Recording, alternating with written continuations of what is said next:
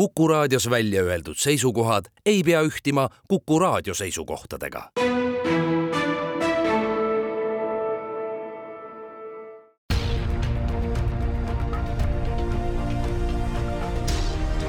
uue samba taga.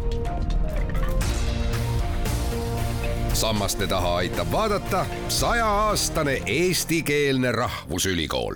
tere kuulama saadet, mis räägib avatud dialoogist ja sellepärast on lektor Dagmar Narusson ja kaasprofessor Margo Uibo tulnud mikrofoni ette neid usutlemas Madis Ligi. kellele ja milleks on vaja avatud dialoogi? Ja tere kuulajatele, avatud dialoog on vaimse tervise valdkonna ja psühhiaatria ja ka sotsiaalvaldkonna üks uuematest arendustest ja kui küsida, kellele seda vaja on, siis äh, võiks öelda, et kõigile, kellel on suur mure või kriis seoses vaimse tervisega, et see on kõige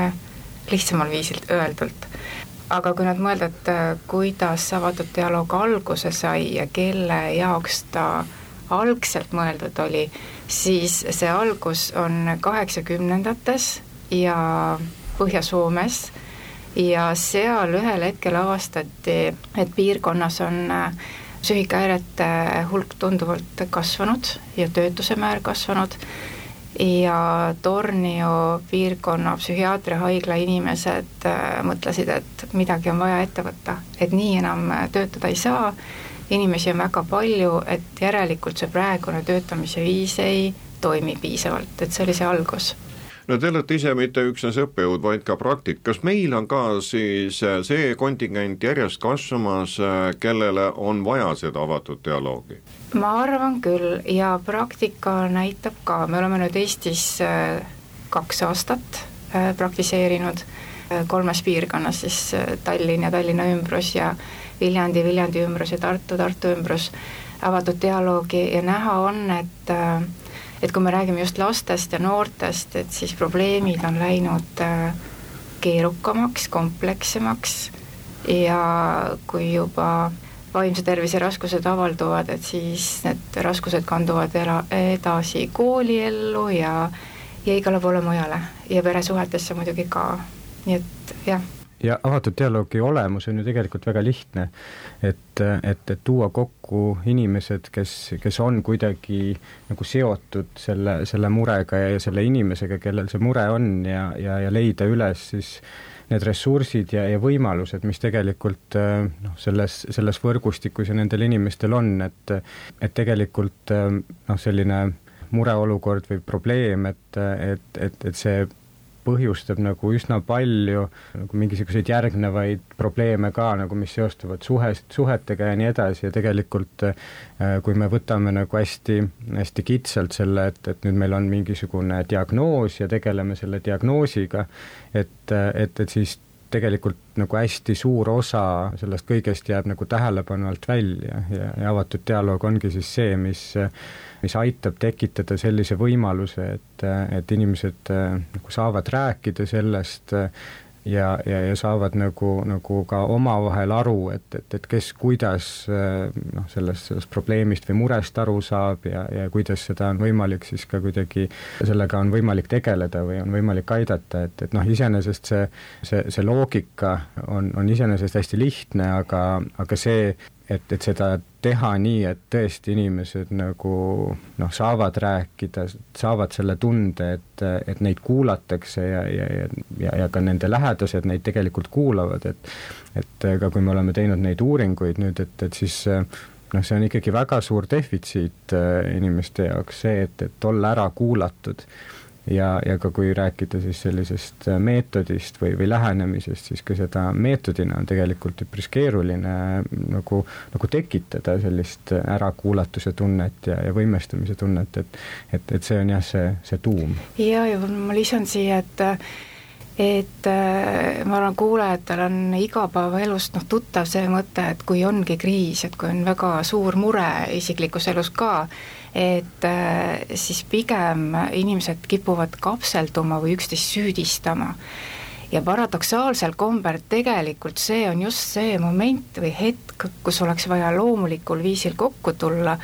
Äh, rääkida ise, kuulata teisi ja saada aru, et millises olukorras me siis hetkel oleme ja kuidas keegi osapooltest seda olukorda tajub. aga ma ütlesin, nagu ma ütlesin, et paradoks on selles, et loomulikul viisil on see see, et me pigem nagu blokime need suhted ära. ja nüüd see küs- ja, ja seda me näeme ka tegelikult ju äh, süsteemis ja meie uuringust tuli välja ka, et kui on väga keerulised komplekssed protsessid ja probleemid, siis ka süsteemides, ma pean siin silmas nii sotsiaalsüsteemi kui tervishoiusüsteemi, siis kipub olema ka see, et kui spetsialist jääb hätta, siis ta pigem suunab edasi. aga avatud dialoog ju toob just selle sisse, et me ei tõuka murega inimest ära,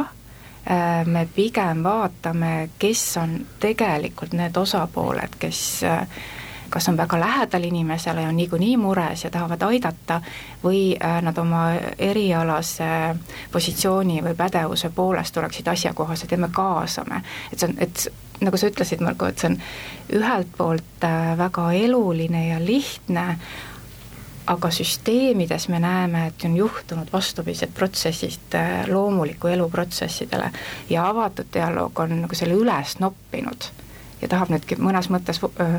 süsteemi mõttes ujuda vastuvoolu, aga elu mõttes tulla inimestele väga lähedale ja tabada ära, et mis on see tegelik protsess, kuidas inimesed abi vajavad, et nad vajavad kohe,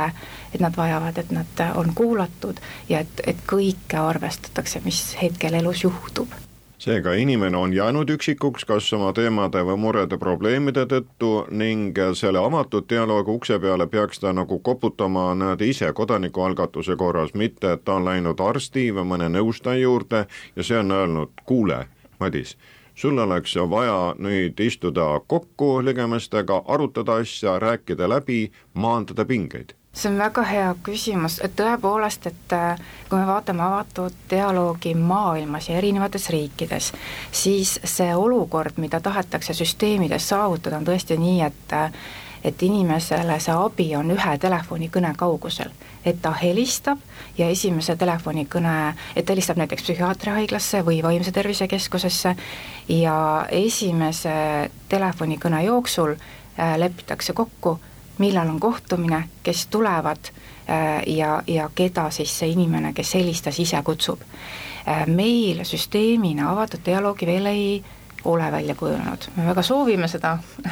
siin, et see kujuneks, aga et see tahab süsteemi vaatest väga suurt muutust. hetkel on nii, et abi on äh, kättesaadav sotsiaalse rehabilitatsioonisüsteemi kaudu ja lastele-noortele nii et äh, kui äh, äh, lapsel on puue ja ja see pere teab, et on õigustatus saada sotsiaalse rehabilitatsiooni teenust, siis pöördudes praegusel hetkel kolme asutusse, nad saavad küsida, et jah, me soovime avatud dialoogipõhist abi. et see hetkel on tõesti piiratud veel. Aga noh, see on ka loomulik, et kuskilt me peame liikvele minema. aga põhimõtteliselt äh, loomulikult äh, saab ka spetsialist, äh, on ju, soovitada, et kui ta näeb, et et see on olukord, kus sellisest lähenemisest nagu avatud dialoog oleks kasu, on ju, et, et, et noh, selles mõttes ega inimene ei pea nüüd ise teadma, et, et on selline võimalus ja, ja, ja ise seda oskama küsida, et, et noh, see see on, on siis noh, siis kui juba need süsteemid on ju töötaksid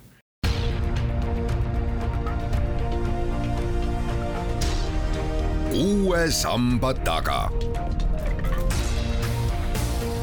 sammaste taha aitab vaadata sajaaastane eestikeelne rahvusülikool kallid saatekülalised, igal juhul siis maailmakogemus näitab, et selline rääkimine ja läbirääkimine, see aitab igal juhul, kui inimesel on siis psüühilised ja vaimsed probleemid, et mitte ära jää nurka norutama, vaid räägi oma lähedal olevate inimestega. peaasi, et nüüd oleks, kellega rääkida ja leiaks selle ülesse. just, et see rääkimine on oluline, aga nüüd siit edasi ka, et, et noh, et asi ei jää ju rääkimise tasandile ainult. et noh, milleks me räägime ja miks see selline kokkutulemine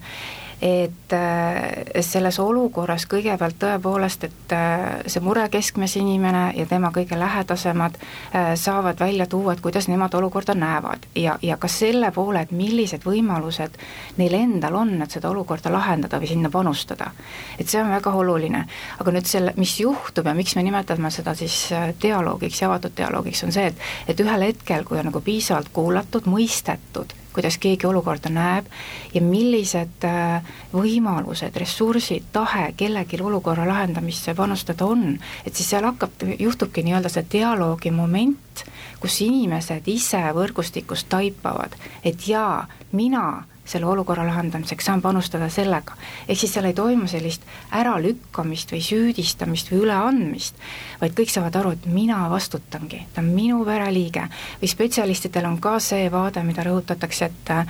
et see on meie ühiskonna liige, me ei saada teda Austraaliasse või kuu peale, ta elab meil, see on minu vastutus, mitte ainult nagu äh, spetsialistina, vaid ka inimesena sinna juurde minu vastutus omalt poolt panustada nii palju, kui minu pädevuses on. ehk siis see, see kõigi ressurss sellest dialoogi momendis tuleb kokku, aga erinevus on see, et inimesed ise võtavad vastutuse, keegi ei anna neile vastutust. ja see vastutus hakkab siis kandma. et meie uuringust tuli välja ka, et et mida inimesed praegu tajuvad praeguse süsteemi puhul, on see, et noh, näiteks nad lähevad psühhiaatriahaiglasse, et nad lähevad haiglasse või lähevad abi saama, nad on teatud perioodi ära ja seal tõesti toimuvad asjad ja siis nad lähevad välja, lähevad koju, aga keegi ei ütle neile, mis nüüd saab. kuidas ma nüüd edasi hakkama saan? ja siis avatud dialoog ei, ei eralda nagu päriselust ära, vaid ta paneb noh, toobki kõik selle, mis olemas on ja võimalik on, kokku ja inimesed oma jõududega ja nende spetsialistide toel, kes selles võrgustikus siis parasjagu olemas on ja on valmis panustama, nemad hakkavad koos mõtlema selle, et kuidas me edasi elame kuidas me olukorrast välja tuleme. ja mis on nagu huvitav avatud dialoogi puhul ka, et me ei räägi lahendustest, sest et selle filosoofia kuul-, juurde kuulub mõte, et elu me ära lahendada ei saa, me saame elada, ehk siis avatud dialoogis äh, me otsime seda, et kuidas järgmine päev, järgmine nädal, järgmine kuu elada nii, et kõik toimivad või toimetavad, kes käib tööl, kes käib koolis, kes täidab oma igapäevaseid kohustusi. Ja, ja kui see hakkab toimuma, siis tasapisi elu loksub paika, inimesed saavad aru, et ma saan hakkama, ma tulen toime. ja nad on uuteks kriisideks ka paremini valmistunud siis. Te olete välja toonud, et peab olema paik olemiseks, paik tegutsemiseks, paik isiklikuks arenguks ja paik kuulumise kogemuseks. kui need neli on olemas, siis helge tulevik on jaa, ja see, see seostub hästi nagu selle kogukonna vaatega või lähenemisega ka, et tegelikult iga inimene vajab neid äh, nii-öelda nelja tasandit või ruumi sest siis me inimestena oleme täielikud või saame hakkama. ja me saame hakkama ka vaimse tervise raskuste korral. ja noh, need äh, ruumid või, või see kõik võib olla individuaalselt erinev, on ju, et et, et selles mõttes võib tunduda, et noh, et mul ei ole seda vaja, võib-olla kui, kui mul on võib-olla seda vaja vähem või, või kuidagi natuke teises vormis, on ju, kui kui mõnel teisel inimesel, aga, aga, aga samal ajal tegelikult, kui kui seal tekib see puudujääk, siis on ikkagi nagu probleem, et, et isegi kui me ei, võib-olla ei anna endale aru, et, et seal see probleem on.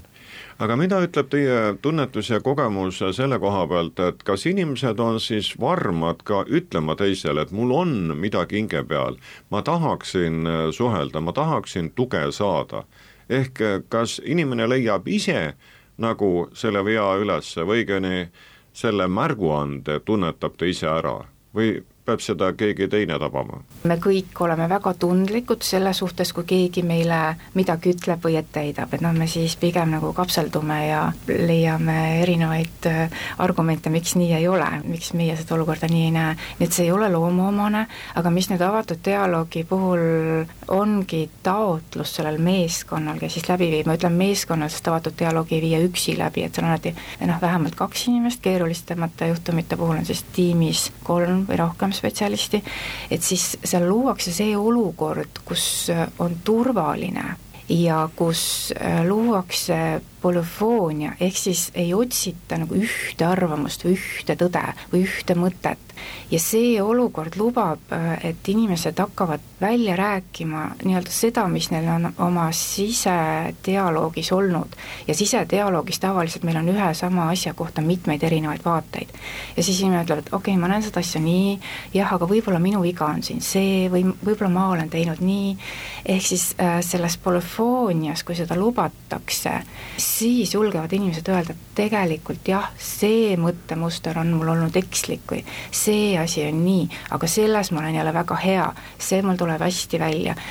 Ehk siis, kui see kõik on lubatud lauale samavõrdselt ja miski ei ole nagu üle, siis ka keegi ei tunne ennast ohustatuna või keegi ei tunne, et mind süüdistatakse või, või ma olen teistest halvem või ma ei saa hakkama, et äh, seda olukorda just otsitakse, et on turvaline ja kõik on okei okay,, mida sa koged või ütled. aga selle olukorrani jõudmine iseenesest on keeruline, on ju, et äh, seda meie uuringud ka näitasid äh, intervjuud inimestega, kes siis äh, käisid siis avatud dialoogi kohtumistel ja, ja tegelikult noh, oli, oli näiteid, kus, kus inimesed kirjeldasid, et, et noh, reaalselt nad ei olegi varem rääkinud mingitel väga olulistel teemadel või, või rääkinud väga oluliste inimestega, et ja tõesti see, see kokkutoomine ja sellise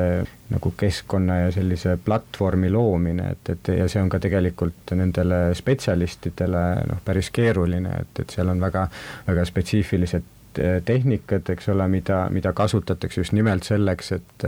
et eh, tekitada see, see tunnetus eh, igas inimeses, kes seal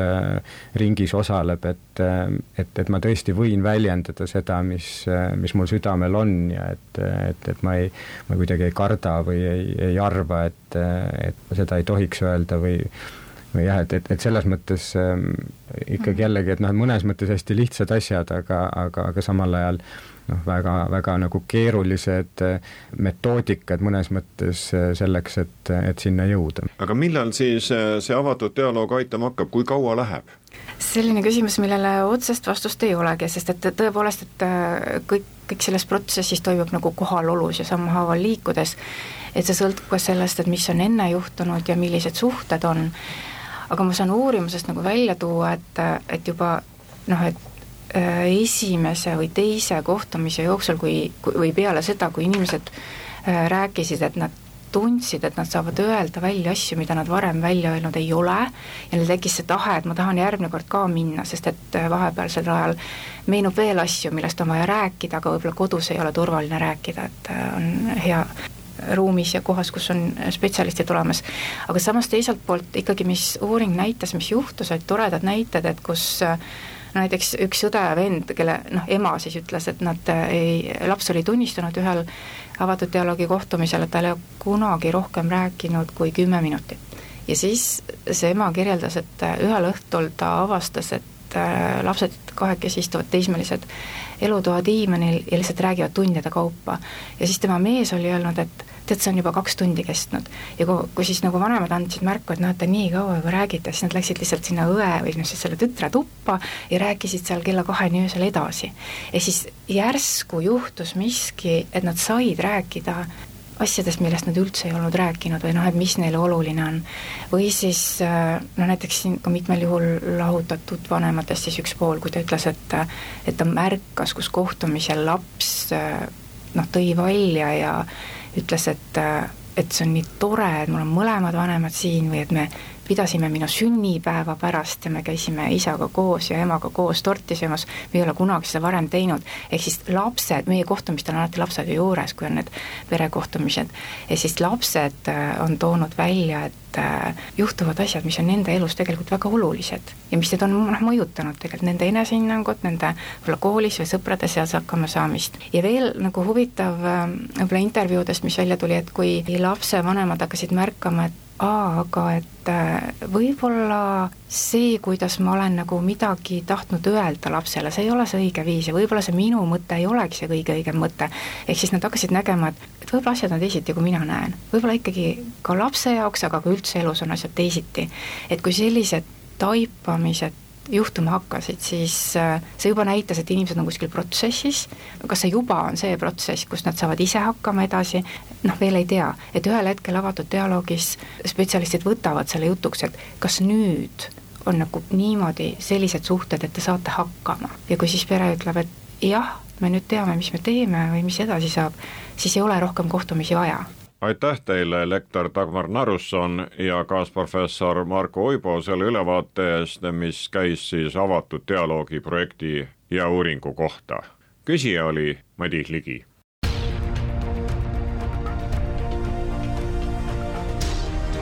uue samba taga sammaste taha aitab vaadata sajaaastane eestikeelne rahvusülikool